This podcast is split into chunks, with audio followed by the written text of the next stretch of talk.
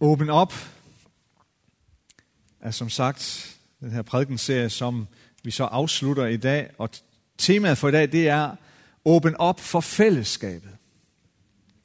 Og øh,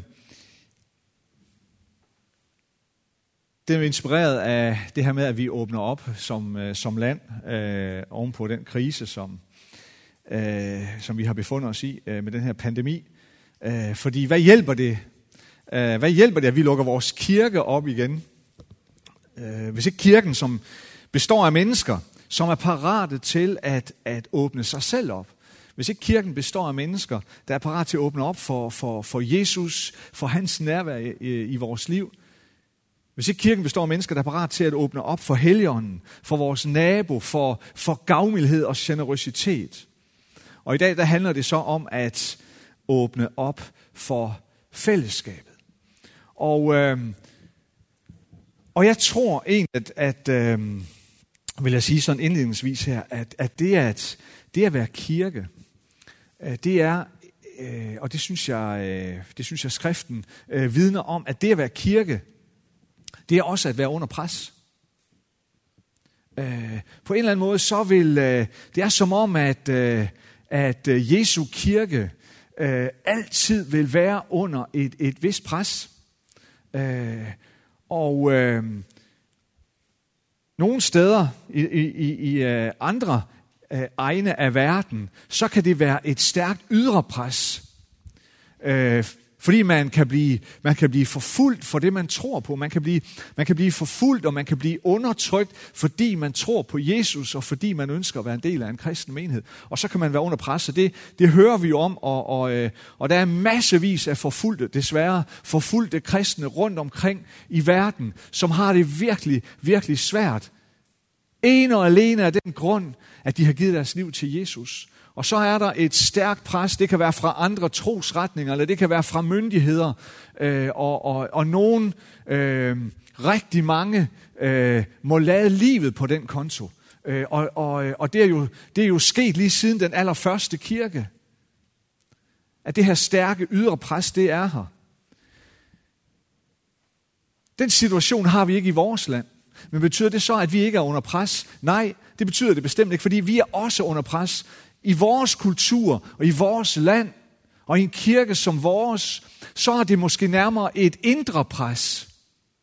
Så er det et pres, der kommer indefra. Fordi fællesskabet presser sig selv.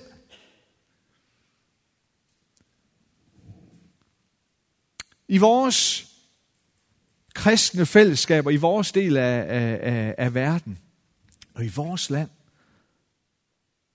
og vi kan blive helt personligt sige, ind i vores kristne fællesskab her i Belkirken, så er vi også under pres. Og jeg tror, vi er under mere pres, end vi ser. Mere pres, end vi måske egentlig sådan fornemmer. Fordi vi består af vidt forskellige mennesker. Og navnlig når det har noget med, med tro at gøre, og, og øh, så, så, er det noget, så er det jo i sagens natur noget, der rører os rigtig, rigtig dybt. Og som vi har stærke holdninger til. Stærke prioriteringer omkring. Og problemet er, eller udfordringen bliver, at når vi så også bærer vores egen øh, øh, bristfældige eller øh, øh syndige natur med ind i det. Vores skrøbeligheder, vores svagheder, vores egoisme, når det kommer med ind i det, så er det, at vi kan presse hinanden. Og mange gange så presser vi hinanden langt mere end det, vi forstår. Langt mere end hvad vi egentlig ser. Og vi må bare sige, at vi er en kirke, der nu her til efteråret kan fejre 180 års fødselsdag. Så Gud har virkelig været os nådig igennem en lang og fantastisk historie. Og vi har grund til at tro på, at det vil Gud blive ved med at være. Og det er fantastisk. Men vi må også bare erkende, at vi er under langt større pres, end hvad vi måske egentlig går og ser. Fordi, og sådan er vi skruet sammen, desværre kan man sige, sådan er vi skruet sammen, at det er af en eller anden grund, så er det nemmere at bryde ned, end det er at bygge op. Har du tænkt over det? Det er af en eller anden grund meget nemmere for os mange gange at kritisere, end det er at rose og opmuntre. Og vi siger det her med, at der skal, der skal 10 gode oplevelser til at opveje en dårlig. Har I hørt det udtryk? Jeg tror også, det gælder i en kirke som vores, desværre. Og jeg tror, det er derfor, at, at navnlig de nytestamentlige breve, og også Jesus i evangelierne, men især en mand som Paulus, hele tiden fokuserer på det her. At lev nu det liv, der bygger op. Lev nu det fællesskab, hvor I bygger hinanden op, i stedet for at bryde hinanden ned. Og Bibelen, det nye testamente, taler om, hvordan beskriver det på den her måde. Der skal bare en lille smule surdej til at ødelægge hele dejen. Mere skal der ikke til. Det er en anden måde at sige på det, at vi er under det her indre pres. Og presser kirken og presser fællesskabet meget mere, end vi måske egentlig går og tænker over.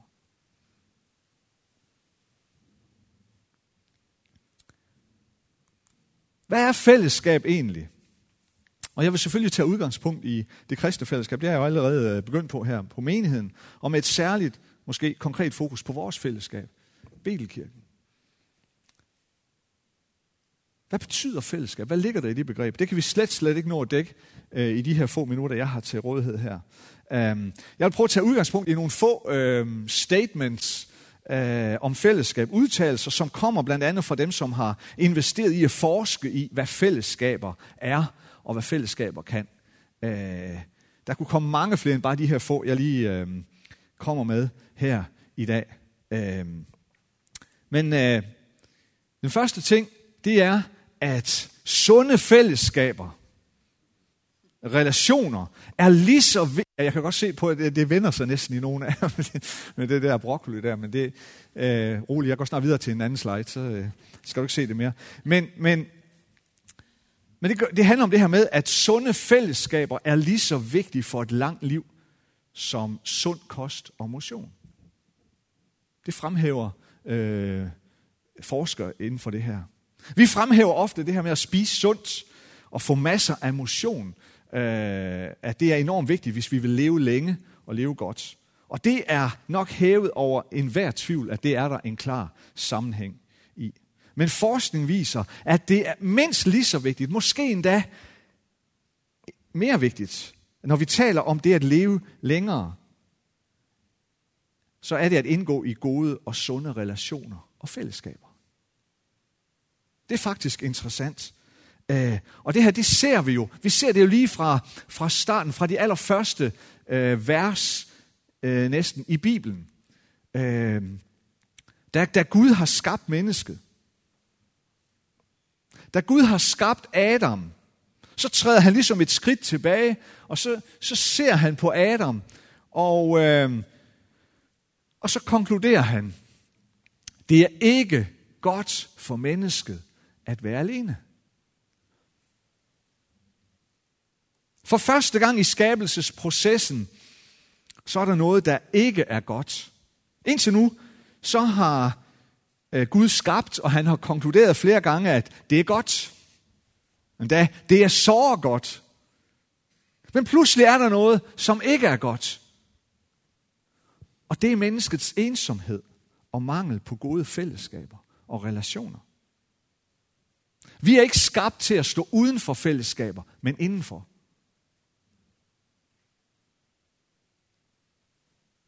Senere, da Gud opretter en pagt med sit folk Israel i ørkenen, og giver dem loven, og han giver dem det, som, som vi kalder for de ti bud, så er der et af de ti bud, som skiller sig lidt ud fra de andre.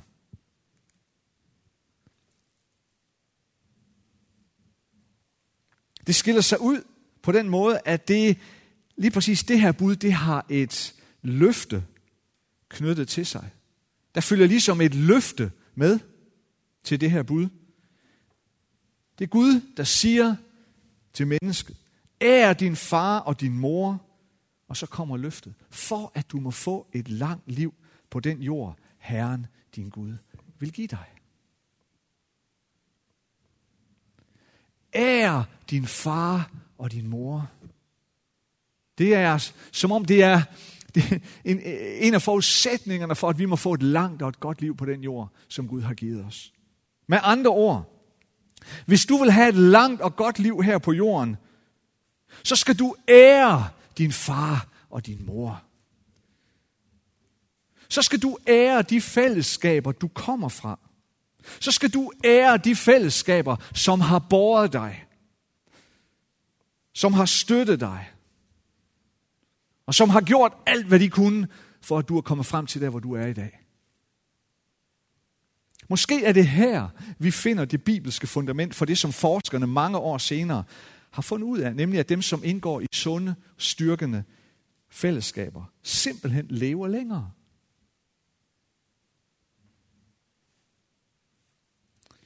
Og hvordan taler det lige til os i en vesterlandsk kultur, hvor vi ofte ser de gamle, vores forældre og andre, som har båret os, hvordan vi så let kommer til at se på dem som nogen, der sådan er lidt i vejen, når de bliver ældre eller gamle. Hvordan taler det til os, når vi i vores kultur stuer vores gamle af vejen på plejehjem og ældrecentre? Simpelthen dybest set, hvis vi graver rigtig langt ned i det. Simpelthen fordi de står i vejen for vores egne valg, vores egen karriere, vores egne prioriteringer.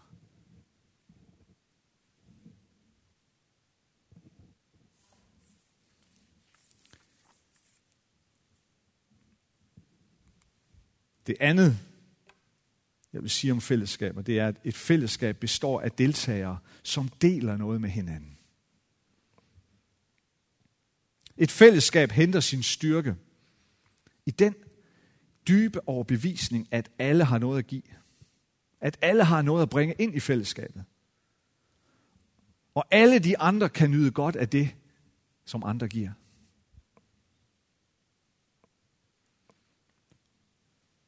Hvorfor kan vi gøre det i et kristen fællesskab som Betelkirken? Det kan vi, fordi vi har alle modtaget Helligånden. Fordi vi alle sammen lever under den kendskærning, som, som, øh, som, øh, som skete på pinsedagen, og det som øh, blandt andet profeten Joel længe inden profeterede om, at Gud ville udgyde af sin ånd over alle mennesker. Og Paulus han siger noget interessant om det. Han siger, om Helligånden, at den er, han siger, at den er pantet på vores arv. Indtil forløsningen kommer for hans ejendomsfolk, til lov og pris for hans herlighed. Sådan beskriver Paulus Helligånden, og hvad det er, Helligånden er, hvem Helligånden er, og hvad det er, Helligånden gør. Helligånden er altså givet os som et, som et pant, som, som et bevis på det, der skal komme en gang.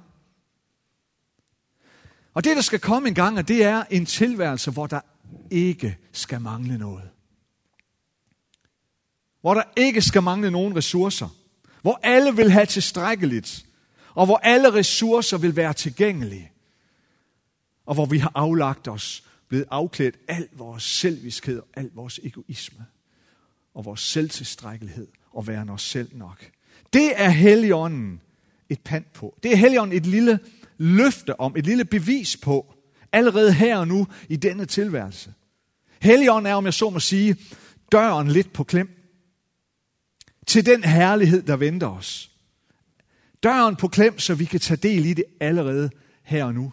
I hvert fald lidt af det. Og det fortæller os, at vi er allerede her og nu blevet givet noget, som vi både kan og skal give ind i fællesskabet. Noget, som fællesskabet har brug for, og kan blive opbygget af. Paulus han siger det på en anden måde. Det, som ånden åbenbarer, får hver enkelt til fællesskab. Det gives den enkelte, men det er til fællesskabets gavn. Vi har sådan, øh, vi har nogle øh, værdier, vi har nogle pejlemærker, kalder vi det også, her i Belkirken. Og en af vores pejlemærker i Belkirken er formuleret sådan her. Her i huset tjener og bidrager vi, og bidrager vi. Man deltager ikke kun. Her i huset bidrager man og tjener man. Vi deltager ikke kun. Det er ud fra det her, fordi vi tror på, at alle er blevet noget givet.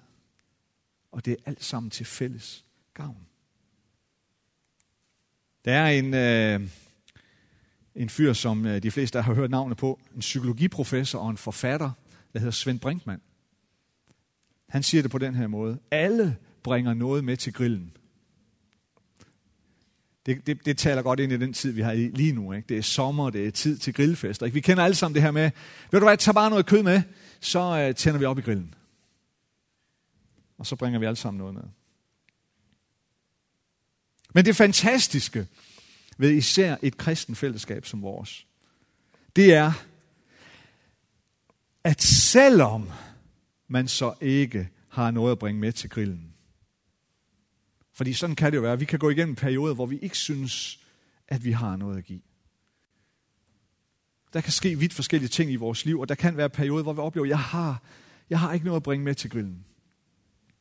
Og det, der er det fantastiske, det er, at selvom du går igennem sådan en periode, selvom du oplever, at du ikke har noget at bringe med til grillen, så er du velkommen alligevel. Så er man velkommen alligevel.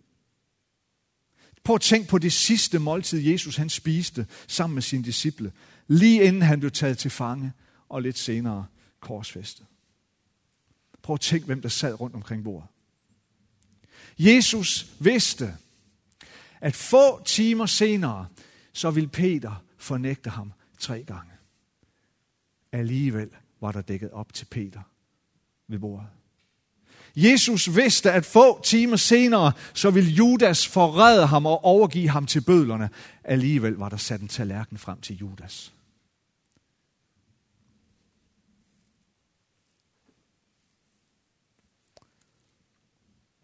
Den tredje ting, jeg vil sige, det er, at et godt fællesskab har både en indre og en ydre solidaritet. Det vil sige, man kan åbne sig og være solidarisk over for både dem, som er inden for fællesskabet, men i lige så høj grad også dem, der er uden for fællesskabet og ikke er en del af fællesskabet endnu. Der findes fællesskaber, som kun har den indre solidaritet. Hvor dem, som øh, er udenfor, ses som i bedste fald sådan mistænkelige, og i værste fald farlige. Nogen, der skal bekæmpes. For eksempel øh, bander, rockerbander for eksempel, eller stærkt religiøse sekter, kan være sådan nogle, hvor, hvor man kun har en indre solidaritet. Det er derfor, det er så vanskeligt at forlade sådan nogle fællesskaber, hvis du først er en, er en del af det. Fordi hvis du er inde og gerne vil ud, så er du pludselig en fare. Så er du en fjende, som skal bekæmpes. En familie er sådan et, et, et, et billede på, et godt billede på en, et, et fællesskab, der øh, som oftest i hvert fald, hvis det er en, en, en øh, god og sund familie, som har en meget, meget stærk indre solidaritet. Det er det her med, at man siger, at blodet er tykkere end vand. Ikke? Vi kender hinanden, og vi, øh, vi har været sammen øh, hele livet, og, og, øh, og vi ved, sådan, sådan er vores familie. Det er det, der kendetegner vores familie. Sådan gør vi det her. Vi har en, og vi, vi, vi har en meget, meget stærk indre øh, solidaritet. Øhm. Men en familie er jo også nødt til at have en ydre solidaritet for at kunne invitere andre indenfor i familien. Ikke? Hvordan skal det ellers gå, når datteren i familien øh, bringer en ven eller en, øh, en kæreste med hjem for første gang? Og familien er totalt lukket om sig selv, og kun har en indre solidaritet så er det jo en indtrænger. Ikke? Det er, hvad vil han nu? Øhm, her hos os gør vi det sådan her. Og hvordan du gør det, det øh, er os irrelevant. Det holder jo ikke, det ved vi godt. Men den familie, som kan åbne sig op for den udefra og sige, du er velkommen her. Fortæl os, hvem du er. Fortæl os, hvordan du lever dit liv. Så vi kan lære noget af dig. Det er en sund familie. På det punkt i hvert fald.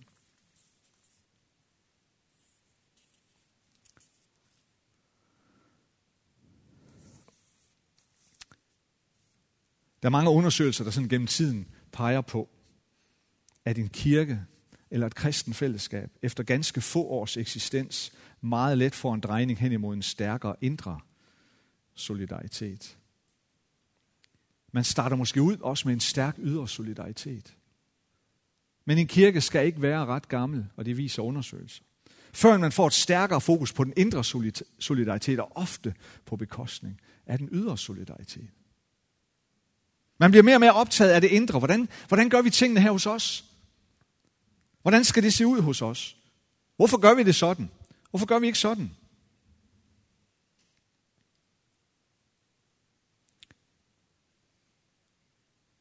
Og så bliver man måske mere optaget af at have et fællesskab, som møder mine behov. Og lige behovene på dem, som, som er lige rundt omkring mig, og som tænker ligesom mig. I stedet for at være optaget af at være fællesskab, som har sit fokus på at inkludere dem, som ikke er der endnu.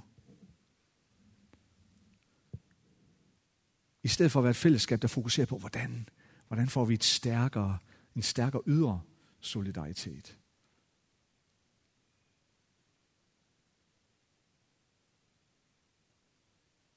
Man kan måske måle lidt på, hvad, hvad siger vi til hinanden? Hvordan definerer vi, hvad vi længes efter? Hvad er det for nogle ord, vi sætter på? Hvad er det for nogle spørgsmål, vi stiller til hinanden?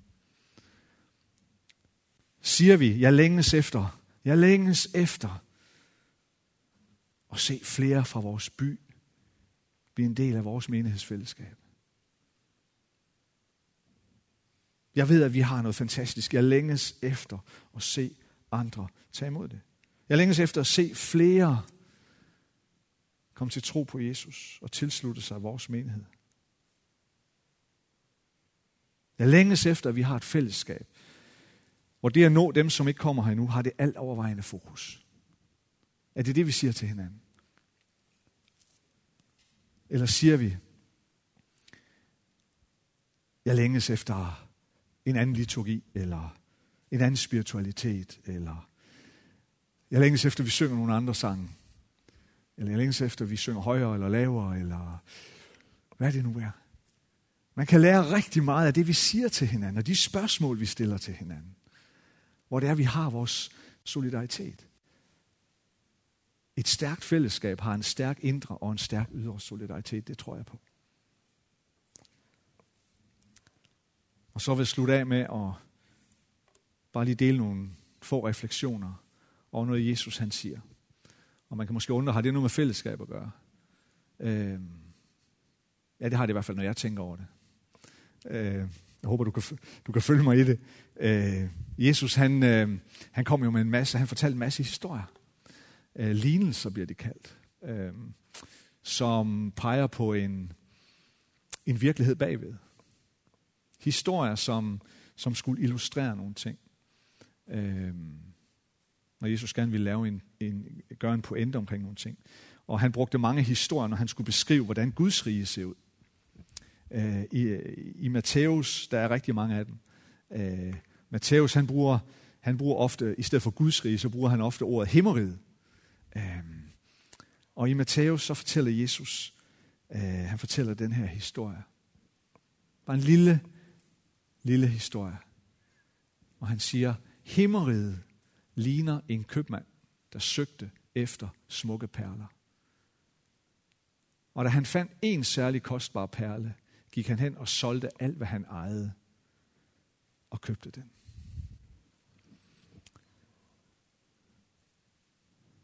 Den historie kunne man forholde sig til på Jesus tid, da han fortalte, og jeg tror også, vi kan, for, vi kan sagtens forholde os til den. Det her med at give alt, når man har fundet det kostbareste. Hvem er den her perle? Hvem er den perle? Jeg tror, det er dig. Og mig.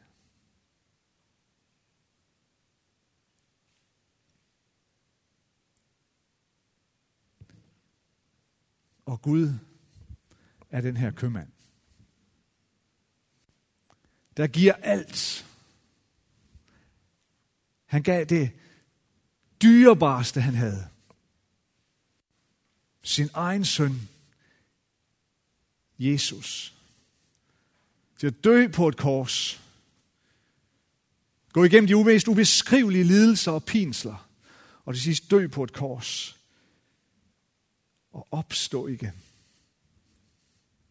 for at købe den smukkeste, kostbarste perle, nemlig dig.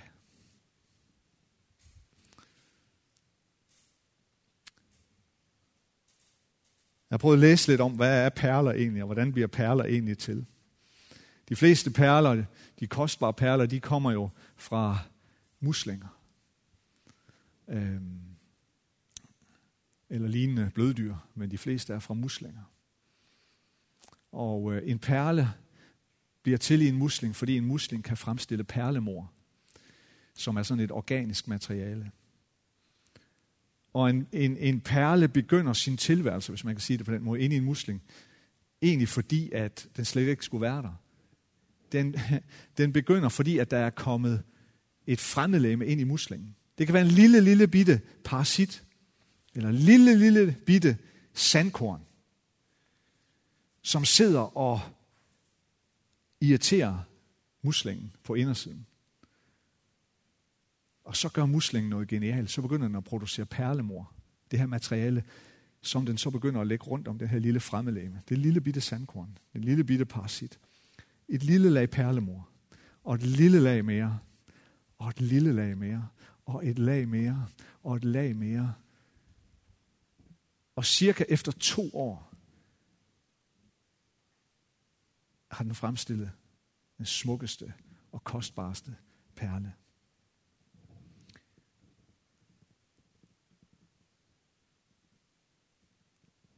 Nogle gange så kan vi måske også føle os som nogen, der ikke skulle have været der. Nogle gange så kan vi også se på os selv på den måde.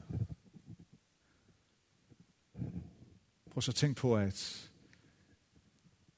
ud af det, som så der gnavede lidt på muslingen, kom der den smukkeste, kostbarste perle. Er det ikke et fantastisk billede på dig og mig? Du er den perle. Du er den perle, som Gud har offret alt for at få i eje. Og jeg tror, sådan skal vi se på det kristne fællesskab. Vi er en forsamling af perler, der er under fabrikation. Vi er en forsamling af ting og sager og forskelligheder, små sandkorn, parasitter, ting, som vi kan, hvor vi kan hvor sige til os selv, og vi kan, vi kan tale dårligt og tænke dårligt om os selv og hinanden. Men Gud er i færd med at lægge sit perlemor rundt om dig. Prøv at tænk på det, når der er nogen i fællesskabet, du kan have det lidt svært med.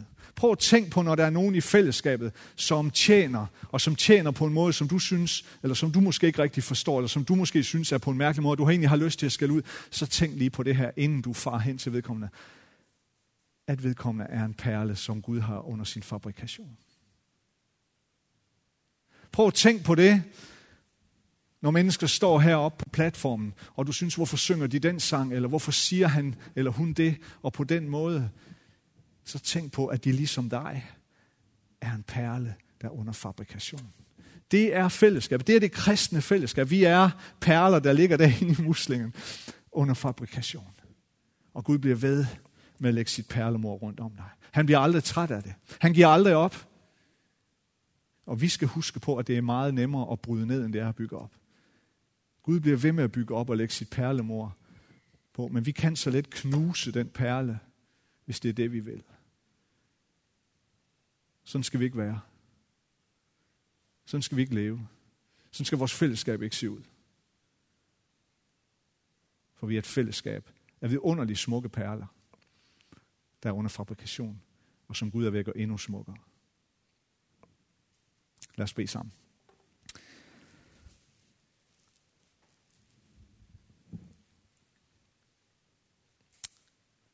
Jesus,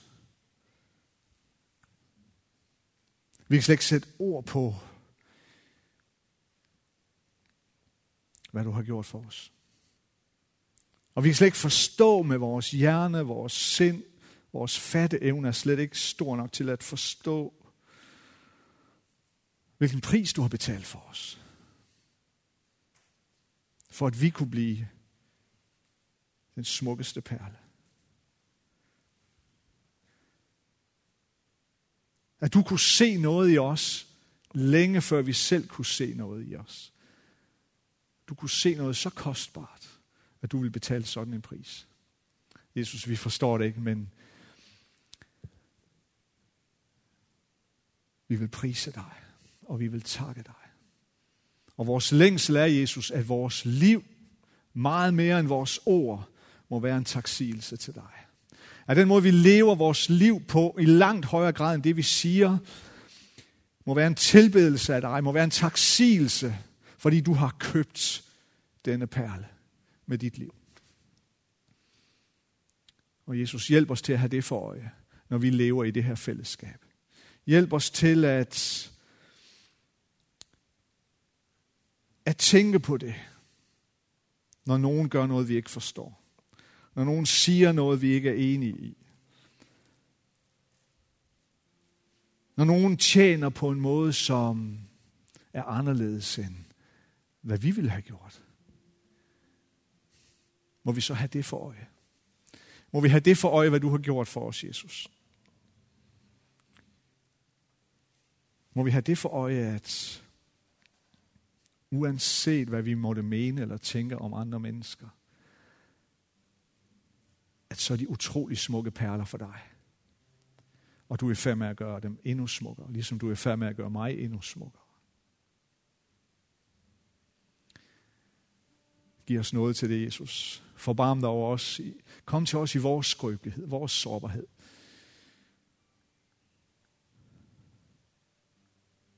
Og rens, op, rens ud i vores liv.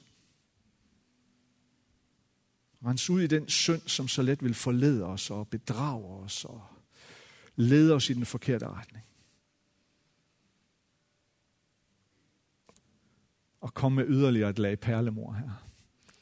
Helligåndens nåde og kraft og styrke ind i vores liv. Tak, du er så god imod os. Du holder aldrig op med at være god imod os. Selvom vi svigter så ofte. Jesus, vi tilbeder dig. Vi ærer dig. Vi ærer dig. Amen.